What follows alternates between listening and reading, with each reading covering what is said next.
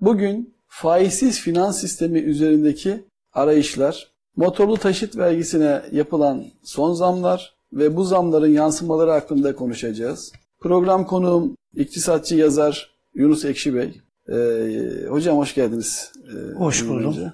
Teşekkür ederim. Ee, hocam hemen ben e, sorularla başlamak istiyorum. E, faizsiz finans konusunda çalışmalar yapılıyor biliyorsunuz siz de. E, BDDK'nın 2013 yılında organize ettiği toplantılar var ve e, en son işte yakın zamanda 29 ve 30 Eylül tarihleri arasında yine İstanbul'da yapılan faizsiz finans sistemi ile ilgili yapılan çalışmalar gerçekleşti.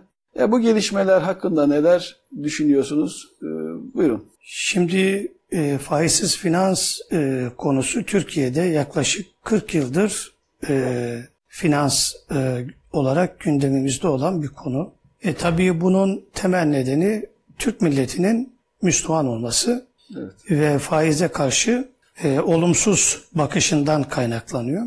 Bu 40 yıllık süreç içerisinde sizin de ifade ettiğiniz gibi 2013'teki yapılan BDDK'nın e, Türkiye Katılım Bankalar Birliği'nin ortaklaşa yapmış olduğu çalıştay ve türevleri de bu işi millete anlatma gayreti içerisindeler. Biz bu işi faizsiz yapıyoruz noktasına milleti ikna etmeye çalışıyorlar. E, bunların e, çalıştayların sonuç bildirgelerine baktığımız zaman kullanılan finansal dil gereği e, biz bu işin aslında buna hizmet etmediğini çok rahatlıkla görüyoruz. Evet. E, nitekim 40 yıldır zaten ülkede faizsiz diye iddia etmiş olduğum birçok konunun daha sonra ha efendim bu faiz değilmiş. 40 yıldır sana fetva veren insanların daha sonra dönüp efendim bu faiz değilmiş demeleri sürekli gündeme e, gelen konulardan bir tanesi. Şimdi bu çalıştaylar e, netice itibariyle halkı ikna içindir. Ama işin başka bir tarafı daha var. Mevcut sistem faizli bir sistem. Ana yapısı gereği faizli bir sistem. E faize karşı olumsuz bakan insanların sistemin içerisinde entegre edilebilecek bir unsur olması lazım. Ve kullanılan dil de o insanları entegre etmek için kullanılan bir dil.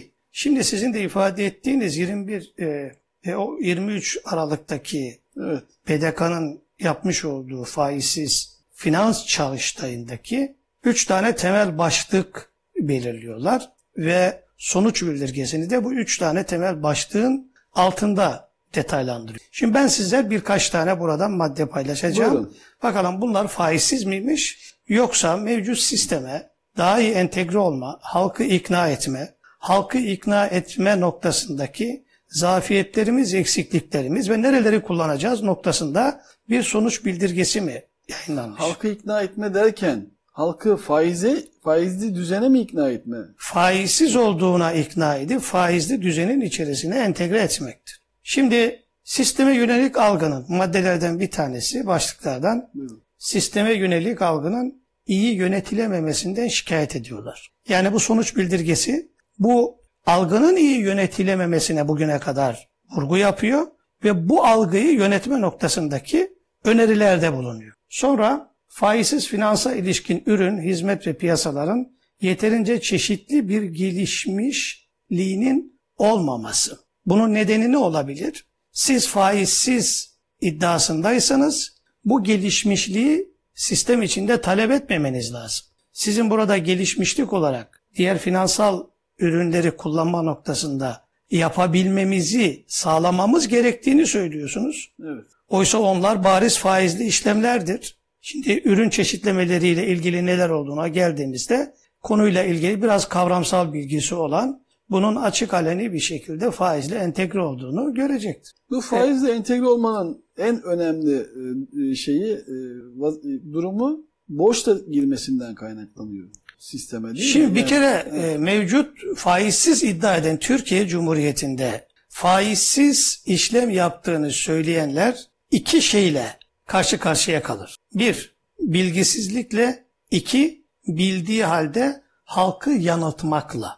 Yani bunu biraz daha net söyleyelim, yalan söylemekle. Ticari bir takım gelirler elde etmek için halka karşı yalan söylemektir faizsiz diye bir işin başlanması ya da İslami olarak tanımlanması o işi ne İslami kılar ne de faizsiz kılar. Biz sistemin ana işleyiş biçimine tabi olduğunuzu gördüğümüz halde, ana çarklara hiç itiraz etmediğiniz halde, onun oluşturmuş olduğu diğer e, alanlara siz faizsiz işlem yapacağınızı iddia ediyorsunuz. Siz ancak ilk etaptaki reel ticaretin perde arkasında bunu yaparsınız. Ortaya bir reel ticaret korsunuz ama onun üzerinden alışverişteki faiz gibi faizli işlemlerinizi yürütürsünüz. Şimdi bir de burada sistemin kurumsal yapısının ve hukuki altyapısının tam olarak oluşturulamamasından şikayet ederler. Yani 40 yıldır Türkiye'de şunu diyorsun, faizsiz bir hukuki altyapı ve sistem oturtulamamıştır. Bunu kabul ediyorsun. Bunu kabul ettikten sonra faizsiz finans çalışmaları diyorsun ve halkı buna ikna etmemiz gerektiğini söylüyorsun. Nevi bu aslında e, zeminin uygun olmadığını da gösteriyor. E, zemin elbette hukuksal olarak da uygun değil. Çünkü senin hukukun da neticede yasaları Türkiye Büyük Millet Meclisi yapıyor. Yani bu faiz mekanizmasını da Türkiye Büyük Millet Meclisi sürdürüyor, devam ettiriyor. Para sistemi üzerinden. Çünkü para basma yetkisi meclise aittir. O halde harici yapılan bu çalıştayların çok fazla bir etkinliği olmuyor mu? Bunu Hayır tam tersine çok ciddi etkinliği oluyor. Oluşturdukları danışman kurulları, toplumun karşısına çıkıp ekranlarda konuşan, halkı ikna etmeye çalışan insanlar. Bunların her birinin art niyet taşıdığını ima etmiyorum. Ancak yüzde doksanı bu işe alet oluyor. Tepki koyan koyuyor zaten. Onlar kendi backgroundlarındaki konulara temas ederek orada bir açıklama getirmeye çalışıyorlar. Ama adamın derdi o değil ki. Adam ana tablonun içerisinde senin ismini oraya koymak. Halk baktığı zaman bunlara kim fetva veriyor?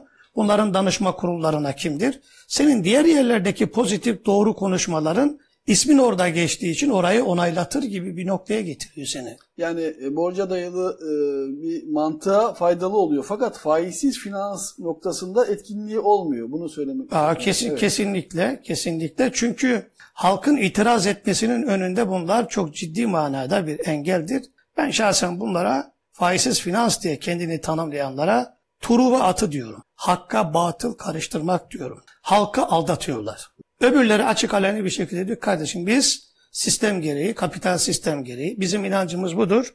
Biz faizciyiz ve biz 195 milyar lira bu halktan yıllık alacağız. Sistem böyle kurulmuş. Siz de tıpış tıpış bize vereceksiniz. Seçtiğiniz insanlar faiz mekanizmasını değiştiremiyor. Değiştiremez. Çünkü onların delini kolunu biz öğretilerimizle, müfredatla, onların bürokrasisindeki bütün bilgi birikimini bizim kurduğumuz kapital sistem bilgisinden kaynaklanarak icra ediyorlar. Kendilerinden bir alternatif, faizsiz bir model üretemezler. Neden? Çünkü bu faizsiz diye iddia edilen finans sistemleri bu tip çalışmaların, ciddi çalışmaların da önüne engeldir. Evet. Engeldir. Şimdi dolayısıyla e, yapılan bu çalıştaylarda özellikle işte 21-23 Aralık'taki Bankacılık Düzenleme ve Denetleme Kurulu'nun ve Türkiye Katılım Bankalar Birliği sözde faizsizin ortaklaşa e, bildirgesinden bakın ürün çeşitliliğinde ne diyor? Diyor ki katılım bankalarının finansal kiralama işlem hacmini arttırmak amacıyla finansal kiralama işlem hacmini arttırmak amacıyla.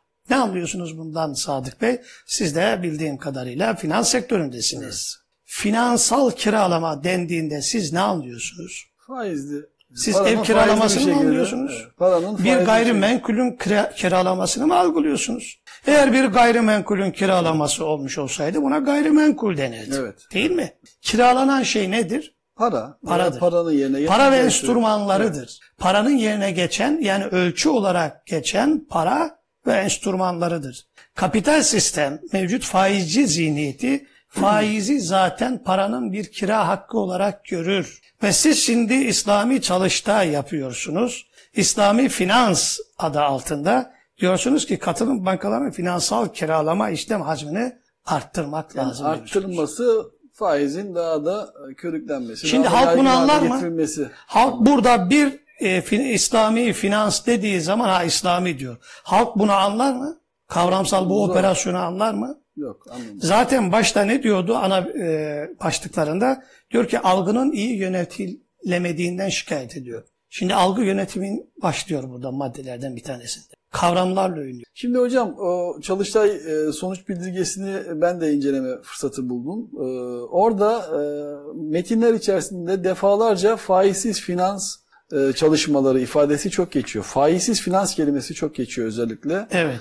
Bu da e, algı yönetiminin e, Çalıştay sonuç bildirgesinin itibariyle başladığını da gösteriyor aslında. Tabii, tabii kesinlikle. Evet. Şimdi bu ür- ürün çeşitliliğini arttırma noktasıyla ilgili e, bir diğer e, ifade ettikleri kamu projelerinin finansmanı ve benzeri alternatif kaynak yöntemlere mebni kira sertifikası ihracına yasal mevzuata açıkça olanak tanınmalıdır. Şimdi bu kira sertifikası e, zaten İslamileştirilmeye çalışılan bir hamle. Şimdi gaye ne burada? Kamu projelerinin finansmanı. Kamu kamu projelerinin finansmanı. Yani kredi verebilme kabiliyeti finansmanı. Peki biz bunu nasıl yapacağız diyor.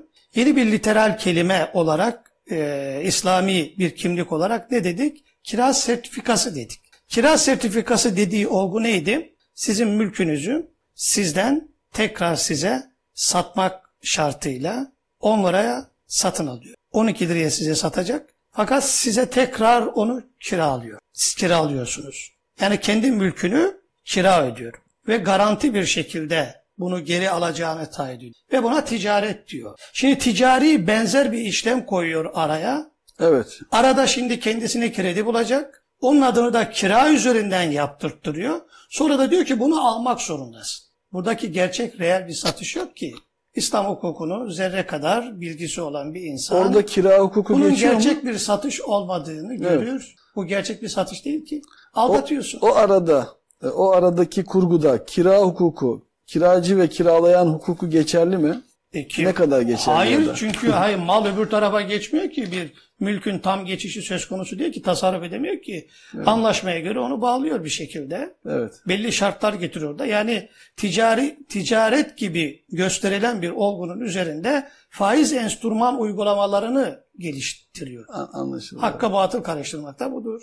Evet. Şimdi başka bir noktada e, çok enteresan bu. E, tabii 2013 yılında bunları ifade ediyorlar. Faizsiz finansın tanımlanmasına yönelik çalışmalarda e, faizsiz BES ve e, R tekafül konularına yeterince yer verilmeli. Yani tekafül sigortacılığı bugün e, Evet. o çıkartıldı, yasalaştırıldı. E, o tekafül sigortacılığı da tam bir e, işin O da e, çok geniş bir konu. Var. Tabii. Evet, evet. Bir de faizsiz BES diyor. Faizsiz BES. Bak şimdi bu sonuç bildirgesinde bu ifade BES nedir onu açalım önce. Bireysel emeklilik sistemi. Bunu Sayın Mehmet Şimşek İngiltere'den aldı, ithal etti, getirdi, uyguladı. Ve kendisi dedi ki sonunda çok büyük vaatlerle bunu getirdiğinde başarısız olduk dedi. %60'ın üzerinde şu anda çıkışlar var. Zorunlu olarak insanlara tasarruf ettiriyorsun. Yani bu ücretlilere, maaşlara bunu yaptı. Zenginler BES yapmıyor. BES'te kaynak ayırmıyor. Devlet bir takım destekler vererek insanlara diyorsun ki paranı harcama bankaya getir. Peki bu BES'teki oluşan fonlar nerede kullanıldı? Şimdi kredi e, oranlarına baktığınız zaman, bankaların verdiği kredi kabiliyet oranlarına baktığınız zaman BES'in e, artışıyla paralellik arz ediyor. Evet. Ne demek istediğimi anladınız mı? Anlaşıldı. Evet. Sizden toplanılan fonlar devlet iş borçlanma senetlerine, tahvillere çünkü o fon yönetenler bu sermayeyi burada kullanıyor. Mevcut kapital sistemin faizci zihniyeti Eş bunları zamanlı- zaten ekranlarda aleni bir şekilde söylüyor. Eş zamanlı Şimdi olarak. sen diyorsun ki ben faizsizim diyorsun. Faizsiz BES uygulayacağım. Ya adam çıktı. Sen yatırım mı yapabiliyorsun bu? Senin tek bir amacın bir şeyin faizsiz olabilmesi için reel ticaret yapman lazım. Reel ticaret. Sen bu toplanan paraları fonlarda kullanıyorsun. Faizli fonlarda kullanıyorsun. Devletin e, borçlanmasındaki e, fonlamada kullanıyorsun. Faizli işlem yapıyorsun. Evet. Ama kalkıp diyorsun ki burada BES, faizsiz BES diyorsun. Yalandır bu. Reel hale gelmediği zaman da son günlerde yine gündemde olan e, motorlu taşıtlar vergisindeki %40'lık bir artış söz konusu. Ee, hocam bitirdiyseniz e, Abi şurada şunu da şunu da ifade Buyurun. etmek istiyorum. Şimdi çünkü burası önemli. Ee, kısa vadeli piyasa işlemlerinin faizsiz finans prensiplerine uygun gelişme göstermesi için gerekli tedbirleri hayata geçirin. Şimdi Hmm. ekonomiyi iktisat kitabının birinci sınıfında bile kısa, orta ve uzun vadeli yatırımlar kastedilirken kısa vadeli kastedilen şeyler faiz enstrümanları üzerindeki fondamaların üzerindeki hareketlerdir. Kısa vade bu- bunu tanımlar. Evet. Yani bir yatırıma yönelik değildir. Arada bir yıl ve onun üstündeki bir yatırımı oluşturabilecek bir zaman dilimiyle ilgili değildir. Adamlar burada açık bir şekilde kullandıkları bu dilde kısa vadeli piyasa diyor. Yani siz bu prensipleri diyor geliştireceksiniz ve bunlar hayata faizsiz finans adı altında hayata geçilecek. Ve sonra faizsiz finans sisteminin Türkiye'de kendine özgü terminoloji terminolojisi oluşturulmalı diyor. Ne demek? Kavramsal algıyı iyi yöneteceksin diyor. Ve bu algı bozukluğunu oluşturan kredi, İslami bono, İslami repo terimlerini belirlenerek söz konusu terimlerin her alanda kullanımı engellenmelidir. Çünkü bunlar şu anda bizim oluşturmaya çalıştığımız algıyı bunlar bozuyor. Bunları kullanmayın diyor. Faizsiz deyin diyor. Başka yeni kavramlar türetin diyor. Kullandığınız literal dil halkın algılaması önemli değil. Ama siz kendi aranızda bu dili kullanın ama halk bu işi fark etmesin, algılamasın diyor. Bunu hazırlayanlar faize karşı hassasiyet olan insanlar. Şimdi bu danış bunun e, çok ilginç. Ben isimlerini zikretmeyeceğim ama e, internetten herkesin rahatlıkla ulaşabileceği bir pdf dosyasıdır bu. E, çok ilginç insanlar danışman olarak e, bu çalıştayın altında e, Görev isimlerini yapıyor. görüyoruz. Evet. Şimdi hocam ben e, tekrar edeceğim soruyu. Şimdi burada şunu ifade edeyim. E, demek ki Türkiye'de faizsiz finans adı altındaki yaklaşık 40 yıla yakın yapılan çalışmalar Türkiye'deki e, faize karşı alternatifin gerçek manada reel ekonominin gelişmesinin önünde bir tampon, engeldir. Sizin faizsiz ihtiyacınızı biz burada karşılıyoruz. Diğer alanda faizlidir. Kardeşim ister oraya git ister oraya git gibi bir olanak sunuluyor. Bu zaten belli bir bantta tutuluyor. Yani %5 %6 bandı arasındadır şu anda. E, faizsiz diye iddia edilen bankaların piyasadaki e, hakimiyeti. 40 yıldan beri e senin %98 Müslümansın ve sen %5 %6 bantında bir piyasa hakimiyetin var. Ya sen yanlış yoldasın ya halk. Evet. Halk sana itibar etmiyor. Çünkü halk şunu biliyor. Sen e, kar payı diye söylediğin yalanlar, faizsiz diye söylediğin yalanlar halkın vicdanına da yatmamış ve Allah'a şükürler olsun ki bu oranlarda bize halkın onlara itibar etmediğini gösteriyor. Biz neden bunları daha tehlikeli görüyoruz? Türkiye'de faizin kalkması noktasında mücadele eden insanların önündeki en büyük engel bu. Evet. Öbürü zaten kendisi diyor, diyor ki ben faizli çalışıyorum kardeşim. diyor. Ben sizin kitabınızda geçen Allah'a ve elçisine savaş aşmıştır ayetinin muhatabıyım ve bunun karşılığını ben yüklenmişim. Ama öbürü öyle demiyor. Öbürü uygulamada mevcut uygulamaları icra ederken farklı kavramsal tanımlamalarla diyor ki yok yok ben diyor faizsizim diyor. Ama sistemin içerisinde Müslümanları ne yapıyor? Tepkisini kırıyor, pasifize ediyor. Müslümanların gerçek manada faizsiz bir ekonomiye ulaşmasının önünde engeldir. Bu Müslümanlarla ilgili mi bu benim söylediğim? Hayır. Bu bütün milletin inanan inanmayan insanlar için menfaatine olacak olan bir şeydir. Faizin kalkması, faizsiz bir modelin uygulanması. Ha e, ilerleyen programlarda inşallah konu oraya İnşallah. geldiğinde biz onun alternatiflerini çok somut, net bir biçimde ortaya koyacağız. Yine inşallah. taban ekonomisi programımızda Tabii ki, e, inşallah. bunun açılımlarını yapacağız. Şimdi tabii e, bu motorlu taşıt vergileri son e, günlerde e, Maliye Bakanı'nın Sayın Naci Ağbal'ın e, ilan ettiği ve daha sonrasında e, manşet olan bir haber olarak e, ajanslara düştü. E, %40 gibi e, motorlu taşıt vergilerine zamlar yapıldı. Burada tabii ki finansal maliyetlerin yansımasından kaynaklı bir zam bu. Ve bu daha da bazı kalemlerde daha da artacağı söyleniyor. Bu konuyla ilgili, konuyla bağlantılı olarak taban ekonomisi çerçevesinde neler söyleyeceksiniz bu zamlarla ilgili? Evet, şimdi Sayın e, Ağbal'ın açıklaması aslında sistem içerisinde tutarlı. Kendisine getirilen eleştiriler e, sebebiyet veren unsurların başı göz önüne alınarak eleştiri getirilmesi gerekiyor. Bana göre Naci Ağbal şu anda mevcut faizli sistemin içerisinde bir maliye bakanı olarak yükümlülüğünü taşımış olduğu bütçe açığının çok olmaması noktasındaki yaptığı bu hamleler doğrudur. Sistem içerisinde. Hakkaniyet açısından doğru mudur? Elbette değil. Bu vergilerin bu kadar yüksek olması elbette doğru değil. Evet. Biz taban ekonomisi içerisinde bu vergilere de öyle köklü çözümler getiriyoruz ki e, sistem yeniden revize edildiği zaman bu tip olumsuzlukların hiçbiri söz konusu olmayacak. Bu işin ayrı bir noktası. Aval kendisi zaten e, e, bütçenin zor bir bütçe olacağını ifade ediyor ve bütçe açığının %2 dolaylarında kalacağını ifade ediyor. Ki bu da yaklaşık e, onun ifadesine göre 61 milyarın altına çekmeye çalışacağız diyor maliye şeyi bütçe açığını. Ha demek ki Sayın Ağbal bu vergi zamlarını bütçe açığının çok büyümemesi için yapmış. Evet. Doğru mu? Doğru. Evet. Peki bu bütçe açığına sebebiyet veren unsur nedir baktığımızda? Bütçede e, planın dışında yapılan harcamalardır. Bunlar nelerdir? KOBİ garantili fonların verilmesidir. Nedir bu KOBİ garantili fonlar? Yani- 160 200 milyara yakın krediler verildi. 200 milyara yakın krediler. Bu krediler verildiğinde bu kredileri kim verdi? Faizsiz dendi değil mi?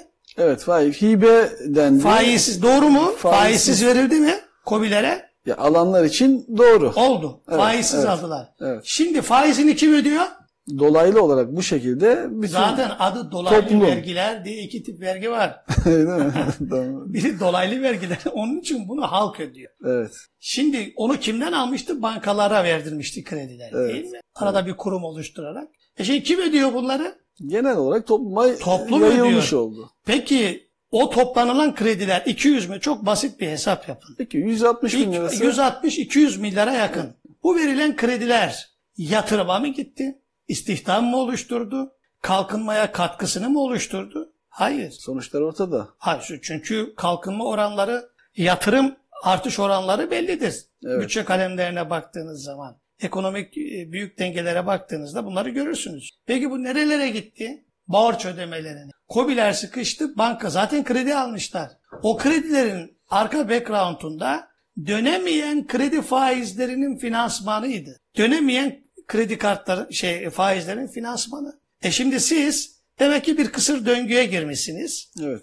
Para politikalarıyla bu şekilde faiz enstrümanlarını harekete geçiriyorsunuz. Ve dolayısıyla daha sonra maliyede diyorsunuz ki maliye öde. Maliye de diyorsunuz ki aynı zamanda bütçe açığı çok olmasın. Ya bu adam para basamıyor ki.